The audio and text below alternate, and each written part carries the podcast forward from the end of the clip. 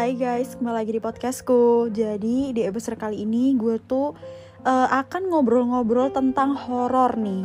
Tapi gue nggak sendirian karena gue ditemenin Mas Anang. Uh, dia bakal cerita pengalaman horornya dia yang menurut dia super serem ya. Tapi yaudah kita dengarkan aja lah uh, ceritanya dia, oke? Okay?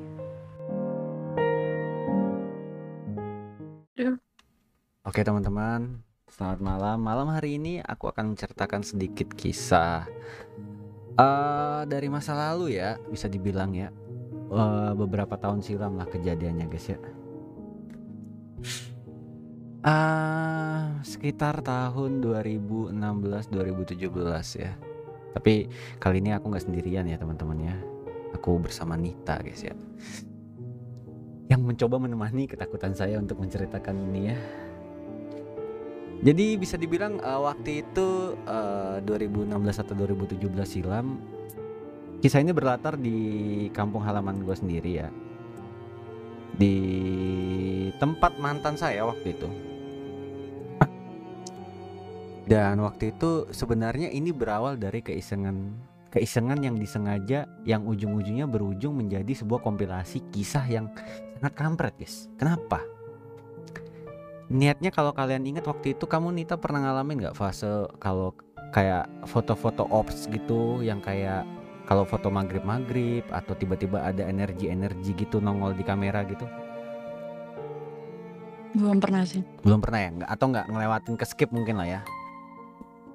Jadi nggak pernah juga foto maghrib maghrib uh, oke. Okay. jadi jadi kayak itu tuh karena mungkin salah satu adik gue edik gue kayak ngebaca buku-buku misteri atau apa gitu. Guys ya gue iseng lah foto waktu maghrib gitu. Dengan niat seperti itu guys. Mengumpulkan eh mengumpulkan mencari eksistensi ataupun menangkap eksistensi melalui kamera ya kamera handphone. Jadi setelah beberapa kali jepret ketangkap lah guys pertama tuh kayak santai aja satu dua foto. Ah, uh, eh, gue lupa sekitar lima lima kali foto kayaknya. Di dua foto terakhir tuh kayak ada semacam ops ops yang kayak kalau kita bilang tuh energi energi gitu. Terus ketika di zoom guys berupa menjadi sosok wajah menyeramkan kayak kakek tua. Jadi gue langsung kebetulan waktu itu foto bertiga sontak kita masuk ke dalam rumah kayak meyakinkan nih ini lagi maghrib nyari penyakit sih ini. Bilang gitu kan guys akhirnya ya udah kita ke dalam kita lihat dan ternyata bener guys ada penampakan penampakan kakek-kakek di dalam ops ops energi itu kalian bisa googling lah ben, uh, seperti apa maksud yang gue bilang itu ops ops yang tertangkap kamera gitu Oke, itu itu baru gejala satu atau satu hal yang terlihat. Hal lainnya sih nggak nggak dari situ doang sih. Itu belum bagian mengerikannya sih. Oke, kita udah aware nih. Ada sesuatu, ada ada sebuah hal di luar kita gitu. Gua merinding nih bangke. Aduh belum apa-apa loh. ya lanjut ke hari berikutnya. Ternyata mereka semakin menunjukkan eksistensinya dan ini lebih ngeri guys. Kalau kita kayak tahu lah jam-jam yang kayak gitu tuh maghrib lah kebanyakan Nita ya atau tengah malam justru lah ya. Hmm. nah jadi buat uh, for information menjelaskan sedikit uh, jadi rumah mantan gue ini semacam base camp kita waktu ngeband gitu guys. Karena uh, kakaknya dia itu personal band gue dan dia juga personal gue gitu sebagai vokalis.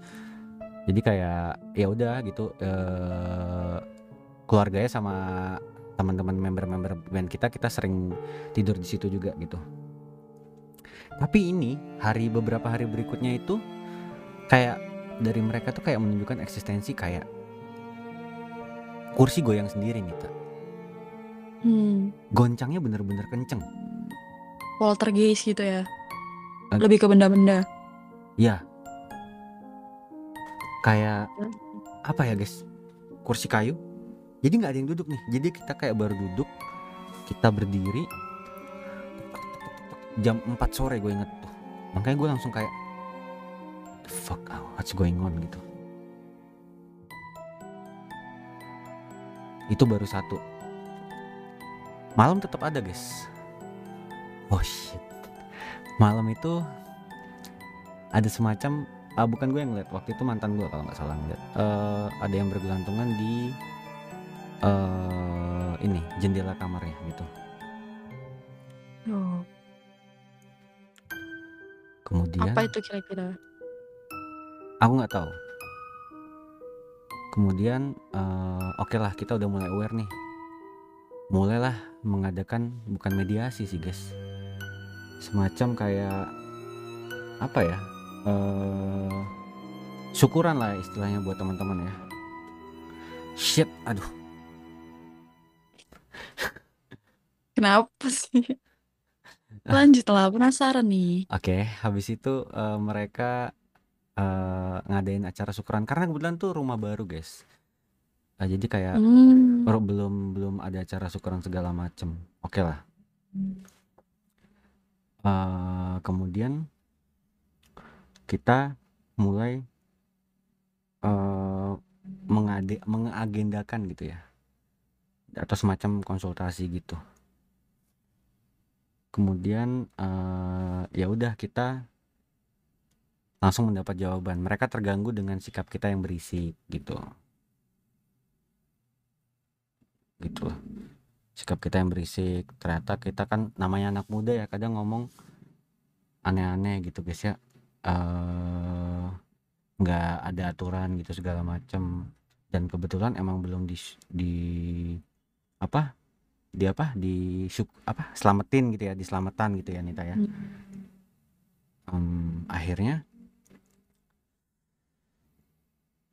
udahlah udah nemuin tanggal apa segala macam ternyata di atas jadi kalau kalian percaya itu ada sebuah hunian lain di atas kita gitu guys. Kayak semacam apa ya pemukiman gitu loh guys. Pemukiman gitu. Pemukiman ini tempat kita tinggal offset dan gitu loh guys itu tuh kayak kampungnya mereka gitu Nita Hmm. Hmm. Dan di situ ternyata bukan eh, satu atau dua dua sosok aja, tapi rame banget nih tah. Emang tempatnya berarti ya. Iya, dan sosok-sosok yang muncul yang sudah mengeksistensikan diri itu ternyata benar adanya gitu. Dan memang mereka menjaga situ. Satu hal yang sedikit ngeri ya. Satu hal yang sedikit ngeri ternyata di situ ada satu prasasti aku lupa guys, peninggalan Majapahit atau apa dan itu nyantol sama si sosok putri ini. Jadi ada satu sosok putri dalam pelarian gitu dalam ceritanya yang dia ceritain ke lewat orang mediatornya gitulah ya. Eh, kalau dia itu masih ada di situ gitu. Jadi tertinggal lah bahasanya ya. Hmm. Kebetulan nih guys ya, ada satu teman gua sebut aja Sika. Eh, Sika ini nih dia sedikit orangnya eksperimental gitu loh Nita. Kenapa Kayak tuh?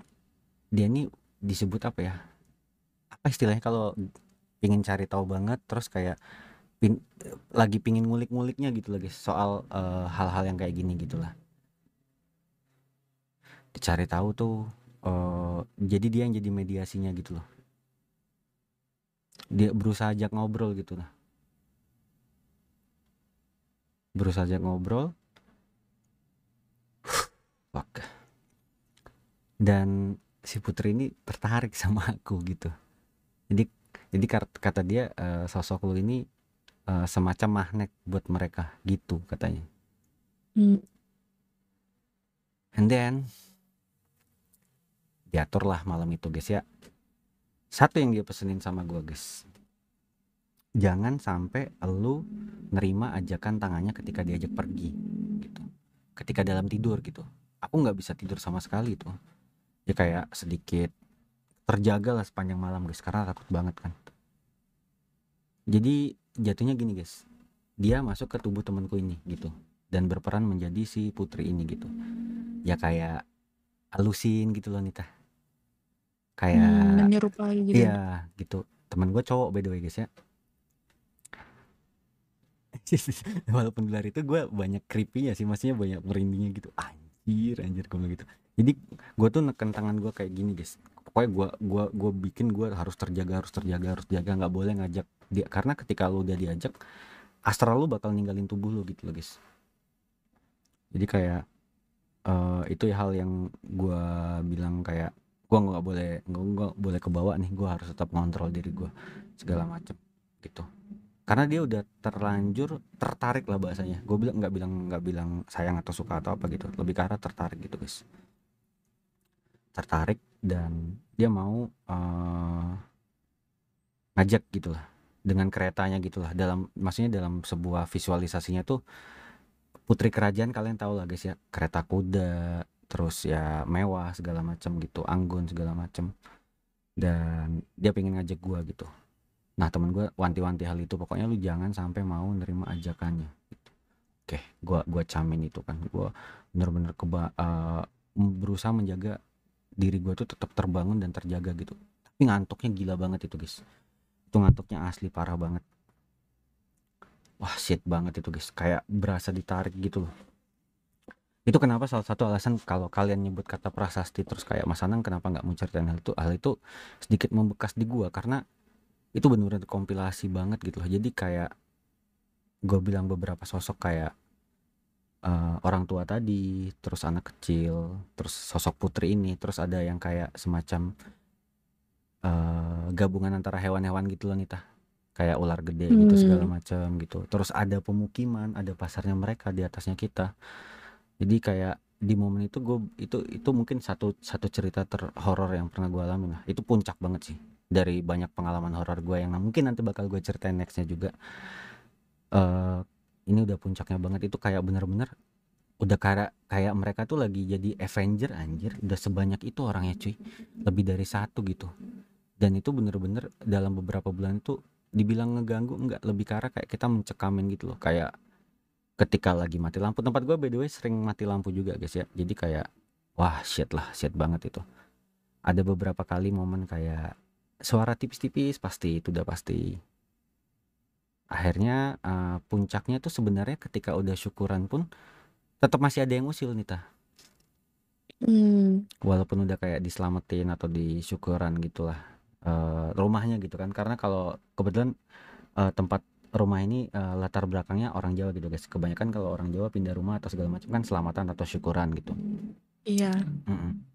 dan dan tetap aja masih ada mengalami hal-hal kecil. Cuman kayak mungkin lebih ke arah poltergeist gitu. Cuman nggak begitu apa nggak begitu terlalu lah. Kayak tetap masih kayak eh kita ada loh gitu segala macam menunjukkan eksistensinya menunjukkan doang. eksistensi. Bener. Bahkan ada satu momen bukan di gua kebetulan. Jadi kita nih lagi mancing. Mancingnya kolamnya deket guys. Uh, sekitar berapa ya? 100 meter 200 meter. Kita lagi ngumpul di situ semua dan gue lupa siapa yang pulang ke rumah waktu itu. Ada yang uh, menyerupai kita gitu loh. Gitu.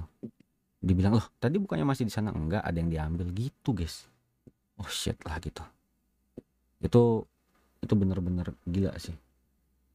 Karena balik lagi sih pesan moralnya adalah uh, jangan pernah nggak sopan sih dalam kepada siapa pun dan di mana pun sih karena menurut gue triggernya tuh ya maklum lah anak muda guys ya. Kadang maghrib masih walaupun gitaran dalam rumah cuman maksudnya ketika jam orang ibadah atau apa itu kayak kita masih kadang begadang sampai jam 3 pagi. Ya namanya anak band kan pasti berisik guys. Uh, terus kayak ngomongnya juga tutur kata kita kayak uh, apa brutal lah ya bahasanya nggak terkontrol gitu segala macem. Itu sih itu sih langsung jadi kayak momen bounce back gue untuk kayak be better gitu. Kalau ditanya kapok nggak ke masih sana? Masih karena itu jadi base camp kita kan. Mau nggak mau kita bakal dealing sama hal yang kayak gitulah. Tapi setelah yang syukuran itu kayak sosok putri itu udah mulai kayak nggak ada lagi. Kakek itu masih uh, sosok-sosok binatang-binatang gitu yang tadi aku bilang kayak hewan-hewan besar gitu masih juga. Karena kebetulan rumahnya itu deket rawa nih tak jadi kayak hmm. jadi kayak emang tempat healing banget lah gitu kayak nggak begitu di pinggir jalan yeah. banget. Mm -mm. karena dia sekalian buka bengkel guys. Sekalian buka bengkel gitu. Buka bengkel mobil. Jadi kalau uh, aktivitas kita kalau lagi off bukan off season uh, off manggung gitu kadang kita ngebantuin bengkel mobilnya gitu segala macam karena kita juga tinggal di situ kan bantu kontribusi lah apa yang bisa kita kerjain lah di situ. Itu sih. Kamu ada pertanyaan lanjutan nggak? Aku lagi kayak sedikit ngeblank nih Soal kejadian tadi. Tapi tapi yang Putri itu jujur gue kayak langsung kayak semacam apa ya kayak aku kurang tahu guys. Lu lebih tepatnya lupa apakah dia selir salah satu selir atau putri kerajaannya aku lupa gitu. Intinya dia tuh menetap bersama prasasti yang terkubur di dalam situ Nita. Jadi kalau sebenarnya kalau mau nyari ke dalam situ pun digali pun kayaknya bakal ketemu deh. Tapi dia ngingetin Hmm. kayak oh jangan jangan jangan dicabut dari tempatnya kayak emang udah emang semestinya harus terdampar di sinilah gitu. Oke. Tapi kebanyakan yang aku tahu tentang kayak putri-putri gini tuh, Hmm. itu biasanya dia dia tuh sebenarnya nggak ganggu, cuman dia ditarik sama orang yang kemungkinan eh, suka ngilmu atau punya ilmu yang tinggi. Jadi kayak putri ditarik, terus dia dimasukkan ke prasasti untuk diasuh, Hmm, ngerti gak sih? Untuk Paham, paham, di paham. Untuk dipakai gitu. Sebagai naungannya Dan lah ya. Heeh. Nah, mungkin eh, si ya kita sebutnya dukun lah ya. Si dukun ini meninggal dan emang nggak ada yang nerusin ilmunya ini dan akhirnya benda-benda Terlantar. tersebut ya heeh, tercampakkan aja dan jadinya putri ini akan tetap ada di benda itu karena hantu tuh kayak ya ini sepengetahuanku ya. Itu tuh nggak bisa sembarangan masuk ke benda. Betul. Dan kayak itu itu teman gue yang ide itu guys ya. Itu mungkin lanjutan cerita berikutnya lah ya. Temen gue tuh salah satu yang ngebuka mata batin aku loh Nita. Jadi kayak aku bisa ngelihat hal-hal kayak gitu gitu. Mhm. Dan yang aku takutkan dia lupa nutup. sih. Jadi kayak ada beberapa momen ketika kalian ngomong kayak gitu, ketika gue ngerasa sensitif guys, ada something wrong lah. Gue kayak yang gue tahu itu kayak ketika mereka menampakkan diri ke kita, mere- itu sialnya mereka gitu loh Nita. Mereka nggak sembarangan juga nampain diri ke kita gitu. Iya, iya, tahu. Hmm. Jadi kayak ya kayak spider sense gitu lah guys. Kayak six sense-nya tiba-tiba kayak gue tiba-tiba merinding atau kayak oh, kayak ada yang sekelibat lewat gitu. Pasti makanya kalian kalau ngeliat gue stream kayak tiba-tiba ada diam atau kayak habis energi gitu, ya itu yang gue bilang. Kadang secara nggak sadar aja kayak gitu. Karena itu yang aku sempat kita mention kemarin kan, yang kayak ngelihat yang di rawa gitu segala macem kayak kayak gitu. Itu jadi kayak dia awalnya iseng guys. Jadi orang ini nih terlalu gila ilmu, gila uji coba gitu. Uji cobanya sama temen kampret emang sumpah. Jadi kayak dia mau tes tes tes try out dia lah gitu. Tes materi dia. Ah, anang deh gitu. Langsung kak langsung kayak eh, dia tuh nggak ngomong nih jadi kayak tiba-tiba ngusap mataku aja. Entah sambil baca apa gua nggak tahu guys. Jujur nih kayak gitu tuh. Iya, iya, iya. jadi ya udah ayo beli rokok. Malam tengah malam ya kan? Orang lagi pingin ngerokok kan? Jalan guys. Coba lihat di kiri. Oh shit. Udah ada yang ngintip kayak begini guys dari rawa. Gue pegang dong tangannya. Anjir gue langsung menjadi lelaki terlemah waktu itu guys. Bangke lu gue bilang gitu kan itu itu jalan udah rasa ngestak guys geret kagak kagak jalan lagi udah geret itu. Udah kayak shit shit bilang gitu kan. Belum kata dia. Coba lihat kanan kata dia. Wah dan rumah dia itu sarangnya banget guys. Kenapa? Karena dia tuh sering uji coba yang yang kayak kayak, kayak begitu. Terus Narik gitu gak sih? iya makanya makanya sebenarnya magnetnya tuh aku dan dia gitu. Mungkin tapi kalau dia itu lebih ke arah negatifnya gitu loh guys. Karena niatnya tuh si uji coba kan gitu. Nah di rumah dia tuh udah udah sering banget aku nita rumahnya kebetulan kan jadi eh, kamar khusus kita lah kamar base camp kita di kamar di belakang gitu kayak Hmm. tempat tidur tempat ngerokok gitu kan. Rumahnya bagus di depan.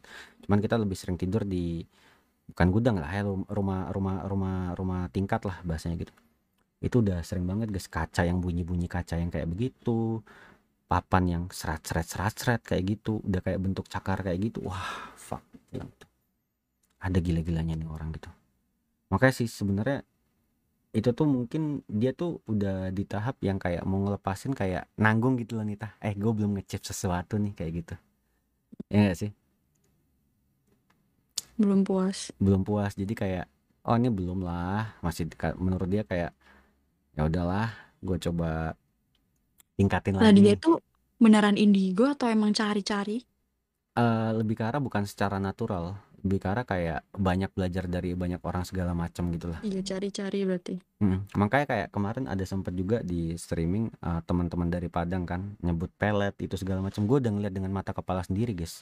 Maksudnya bukan gue yang make gitu ya tapi kayak mereka-mereka yang menggunakan hal-hal kayak gitu gitu. Yang kayak uh, dia lebih ke arah tuh mungkin masih masih waktu itu SMA lah gue lupa atau enggak sih udah enggak lah harusnya kayak dianya masih SMA kalau nggak salah. Lebih kecil dari gue by the way. Uh, terus dia itu kayak seneng nan bukan nantang ini tah tapi tertantang jiwa mudanya kayak adu ilmu lah bahasanya ya. Hmm. lebih ke arah kayak gitu. Jadi kayak oh tinggian ilmu siapa atau pas segala macam gitu. Wah tuh dia gila banget sih. Kayak sosok senjata-senjata gaib kayak kayak gitu. Ada aja guys Hmm. prakteknya. jadi dan ada istilah satu yang bener nih tak gue lagi lemes nih. Jadi hisap cakra tuh bener guys adanya guys. Serius guys. Itu itu kenapa gue bilang Naruto menjadi serial favorit gue karena gue merasakan sendiri. Jadi kayak ketika dia lemes guys dia bisa seenaknya tuh kayak eh gue lagi pengen pakai energi lu nih gitu. Lagi pengen pakai chi lu nih gitu. Itu aku literally tiba-tiba tuh habis seger nih tuh. Habis kelar makan pokoknya ada kayak kondisi fit banget gitu. Bisa kayak energi tuh sisa 20% 10% kayak kayak gitu. Hmm. itu real sih guys. Itu real sih. Cuman cuman hal kayak gini tuh lebih ke arah sesuatu yang sesuatu yang ada tapi tidak terlihat lah gitu. Terus balik lagi ke soal yang tadi ya ke soal cerita timeline pertama tadi. Intinya overall habis itu tetap masih poltergeist segala macem dan nggak ada yang secara signifikan lagi. Cuman kayak ada beberapa momen orang yang belum ketemu nih ta biasanya kalau orang yang baru mampir ke situ atau baru main gitu kan nah itu yang ditemuin gitu Iya. Kenalan lah. kenalan lah bahasanya cuman kalau dibilang ganggu banget enggak cuman itu sih balik lagi pesan moralnya gue mentionin tadi tetaplah sopan di mana pun guys mau secara tutur kata ataupun tindakan karena kita nggak pernah tahu dealing sama siapa gitu Iya. Kalau ke tempat-tempat baru itu biasanya. Mm-mm. Kalau di pengalaman ngerantau gue ya mungkin di mana ya? Di Jogja di Jogja di di Bandung lah mungkin yang ada hal-hal kayak gitu. Jakarta by the way juga. Eh, kan kebetulan waktu itu aku yang kita podcast itu ya kan aku masih di apart tuh. Jarak kamar depan dua kamar depanku tuh jadi apartku tuh terkenal dengan kasus mutilasi guys. Selingkuhan atau apa gue lupa gitu. Sama si cowoknya dimutilasi si cewek ini masukin koper atau plastik gitu gue lupa. Dan orang itu gue juga heran kenapa gue dapat sewa kamar murah banget guys. Emang kampret cok promotionnya cok. Murah banget guys. Ternyata setelah gue selidikin gue googling guys ya ampun. Kamar gue cuma dua dua beda dua kamar doang nih tak dan itu ketika gue tinggal bertiga by the way ya Eh, teman gue sama ceweknya yang sekarang jadi istrinya gue sendiri. Jadi ketika mereka lagi kerja gue di karena gue kerja online kan masih ngurusin media waktu itu eh ya udah aneh-aneh aja itu nih tak poltergeist sih paling banyak poltergeist terus kayak hmm, sekelibat sekelibat gitulah sih gitu. Jadi kayak penampakan langsung gitu belum pernah ya? udah yang itu tadi aku bilang. Cuman itu lebih ke banyak sekarang itu lebih ke arah eh Nita lagi dilihat depan nih ya kan? Hmm. di belakang ada yang lewat tuh. Nah tapi tahu gitu. Ketika kita ngeliatin udah nggak ada lagi gitu.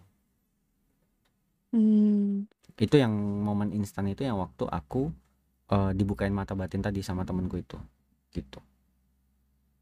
Dia sampai sekarang tuh juga kayak nggak ada ngomong guys apa udah ditutup atau enggak cuman gua ngerasa belum sih guys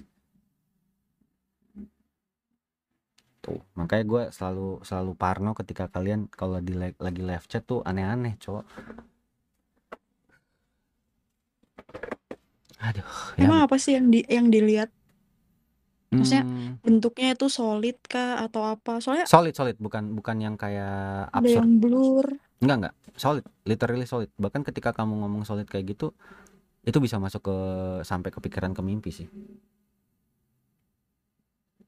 Solid, solid, literally solid. Soalnya aku juga pernah dulu, tapi aku nggak nganggep ini hantu ya. Tapi waktu aku cerita ke teman-temanku, mereka itu hantu sih. Ini boleh Apa? gantian cerita nggak? Boleh. Soalnya butuh pendapat aja, ini beneran hantu atau enggak gitu. Hmm. Jadi waktu itu 2022, Hmm. itu kan aku nongkrong sama teman-temanku di kafe yang kafenya itu kayak eh, deket bukit tapi menjorok ke bawah gitu loh. Eh. Nah, di situ tuh bener-bener kafenya asri banget. Kayak ya masih masih alam gitu lah, masih banyak sawah dan lain-lain. Hmm. Temanya tuh ya kafe-kafe Jawa gitu lah. Hmm. Dan itu parkirannya gede banget, jauh dari kafenya. Terus kan itu hujan, itu sekitar eh, mau maghrib. Teman-temanku tuh pulang duluan. Dan sebenarnya kan mereka kan naik motor. Hmm. Terus mereka kan eh, pengen boncengin aku juga, tapi aku nggak mau. Karena aku masih pengen di situ. Hmm. Terus ya udah aku bilang, ntar aku ini aja deh, pesen Gojek gitu. Hmm. Hmm. Ya udah. Terus aku eh, jalan ke apa namanya parkiran. Hmm. Jadi di depan parkiran tuh kayak ada gapura gitu loh. Soalnya kan eh, itu kafenya model Jawa gitu kan. Jadi kayak ada gapura batunya gitu. Hmm. Aku nunggu di situ. Soalnya di depan situ tuh eh, kayak ada jalan, jalan raya, tapi bukan jalan raya, jalan menuju ke atas. Soalnya kan kafenya di bawah. Hmm. Gitu kan. Aku nunggu di situ sendirian sambil hujan. Terus satpamnya tuh bilang gini, kan depan ada satpamnya juga. Kak, mending tunggu di depan kafe aja, jangan di apa depan gapura, hujan loh gitu. Hmm. Hmm. Hujannya ini nggak terlalu deras lah kayak gerimis gitu. Ah nggak apa-apa pak, nanti apa tukang gojeknya nggak tahu, soalnya kan kafenya turun gitu kan. Takutnya mereka nyari, apa si orangnya ini nyari-nyari gitu. Betul. Aku tunggulah tuh di situ, walaupun sambil kehujanan dikit lah. Aku noleh-noleh ke apa ke arah kiri. Soalnya kan jalanannya jalan ke atasnya kan eh, kelihatannya di kiri gitu. Hmm. Aku tungguin gojeknya. Gak lama kemudian aku noleh, sebelah aku tuh ada cewek. Cewek Hmm. bener-bener, ya cewek solid gitu bener-bener. Tapi aku nggak lihat kakinya, kan pasti lihat mukanya. Itu dia pucat enggak, serem enggak, Datar. enggak biasa. Oke. datar pun enggak ya kayak manusia ya bener pakai baju putih tapi enggak yang kayak kuntilanak gitu bajunya kayak masih ada di lengannya tuh kayak lengan balon gitu ngerti gak sih kayak model apa ya daster juga bukan tapi masih ada modelnya gitu loh bajunya jadi kayak ya mana mana mungkin aku mikir itu hantu.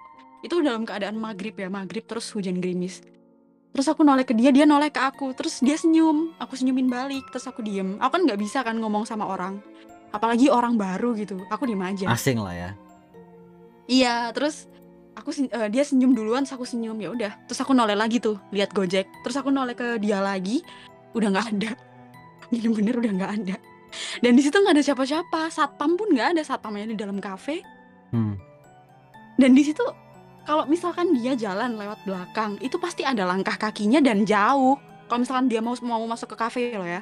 Mau Soalnya kan itu mau kan- lari pun juga masih kelihatan lah harusnya ya. iya soalnya kan itu eh, apa namanya parkirannya gede banget. Dan Hmm. jarak dari parkiran ke kafe kan lari pun masih akan kelihatan tetap kelihatan lah. Itu bener-bener nggak ada. Dan kalau aku noleh ke kanan itu bener-bener sawah udah. Ya masa dia mau lewat sawah? Kan nggak mungkin Hmm. dan di situ aku kayak loh hilang. Terus oke ya udah gitu. Terus waktu aku cerita ke temenku ya itu setan sih mana mungkin. Terus aku mikir juga "I- iya kalau misalkan emang lihat setan tapi dia solid banget loh dan dia nggak pucat dia nggak serem ya manusia cewek biasa bahkan cenderung manis sih kayak ya seumuranku gitu. Tapi hilangnya cepet banget cuma noleh gitu doang udah nggak ada. Gila itu apa ya kira-kira masa manusia tapi manusia kok cepet banget hilangnya Kadang eh, multiverse tuh bener adanya guys. Maksudnya kayak teori metaverse tuh emang bener adanya. Kayak kebetulan tiba-tiba mereka nongol ke dunia kita itu juga bener. Cuman lebih ke arah kayak yang sekedar singgah gitu loh Nita. Iya Hmm. Atau bahkan kayak cuman say hi aja gitu eh gue di Iya. sini loh gitu. Ya, makanya gue bilang kayak gue kaget yang waktu kayak di atas kita nih pasarnya mereka bro gitu. Yang tadi cerita di awal itu guys kayak Hmm, pemukimannya gitu. Jadi kayak letaknya upside and down gitu loh guys. Yang kayak kalau kalian pernah nonton upside and down gitu mereka tuh seperti kita cuman berbalik aja dunianya gitu. Wah. Iya. Aktivitas banget makanya kayak mungkin mereka keganggu nih sama aktivitas manusia yang tadi kayak gue bilang gitu kelakuan kita yang nggak sopan tutur kata kita yang nggak sopan gitu segala macem. Itu sih. Iya, tapi emang mereka aktivitas kok. Bahkan banyak yang cerita kalau sekolah ketika udah tutup udah maghrib itu udah ganti, udah Iya, pergantian itu itu yang gue bilang. alam. Mereka makanya juga sekolah. teori multiverse itu emang bener adanya guys. Kayak gitu sih shit Kurang serem nih. Hmm, kamu sih kurang serem ya gue udah merinding dari tadi sepanjang hari Bisa ada cerita serem lagi nggak? Kurang nih, kurang serem nih. kurang serem ya ya nantilah next next kita bakal cerita soal kayak gue ngelihat eh hal astral lain yang kayak kiriman santet segala, sega- eh, segala macem gitu gue pertama tuh cuek sama soal kayak gitu guys. Tapi setelah orang tua gue ngalamin bap, eh, almarhum papa gue gue baru percaya kayak gitu. Dan banyak juga cerita wah banyak. Shit. Ah, ada penutup nggak? Ada penutup nggak? Cepet banget. ah udah. Biar Nggak apa-apa lah. Itu juga anak pramuka ah iya guys aneh guys banyak sih. Oh, oh dulu zaman dulu bukan ospek guys ya. Apa kalau anak sekolah? Mos mos mos juga tuh. Aduh tapi bener teori kesurupan itu juga ada lagi. Apa nih? Bilang bentar biar nggak bentar. Aduh. ada media Padahal- lagi. Nggak serem loh. ah iya kamu mah dengerin enak Iya tapi Gimana gini Apa gini ya? gini. Buat kalian ya yang mau punya cerita serem, kamu harus eh di di Instagram nggak nyantumin ini email kalau mereka mau taruh cerita gitu. di DM juga bisa. Tapi kan takutnya panjang. Nah, di DM kan bisa panjang. Ya udah, jadi yang ke podcastku underscore ya. Iya. Jadi itu buat teman-teman nih, gue tadi dari tadi lihat live chat juga kalian eh ada beberapa yang punya cerita mungkin menarik buat diangkat atau diceritakan sama Nita juga. Hmm, nanti kita juga bakal nanggepin juga dari sisi kita sebagai pendengar dan itunya juga kena santet ekonomi bukan. Eh, pokoknya kalian cerita aja tuh eh, Instagramnya @podcastku atau kalian bisa cek di following gua tuh @podcastku underscore. Eh kalian mungkin punya cerita apa segala macam, kalian ketik di situ deh. Ya buat pendengar podcastku saat ini ya, ini episodenya agak gantung lah. Ini kata Nita sih belum serem ya. Nanti coba kita kumpulin sereman mana cerita gua sama cerita kalian yang ceritain di kolom komentar ya. Satu cerita lagi deh. Apa tuh? Aku. Dari aku apa Bentar banget. Dari Dari aku. Oke, boleh. Dari aku tuh banyak yang serem. Tapi tapi bukan pengalaman pribadi aku, cuman aku dengernya tuh ini lumayan serem lah. Oke, boleh. Ini dari kakekku sih, dari kakekku dulu lah yang deket-deket dulu. Hmm. Kakekku kan masih kerja sampai sekarang karena ya emang itu punyanya dia gitu. Jadi Kerja apa by the way? apa? Kerja kerja apa? Itu dia yang memanage Hmm. kapal-kapal yang ada di Lombok. Hmm, oke. Nah, di, di sini kan ada kantornya. Nah, dia itu pulang kantor itu ya maghrib sih, sekitar jam 6-an. Hmm. Terus eh, apa namanya? Nah, dia itu biasanya kalau misalkan pulang itu tahu kan nenekku kan nggak eh, udah nggak nggak terlalu masak kan, soalnya kan udah tua juga.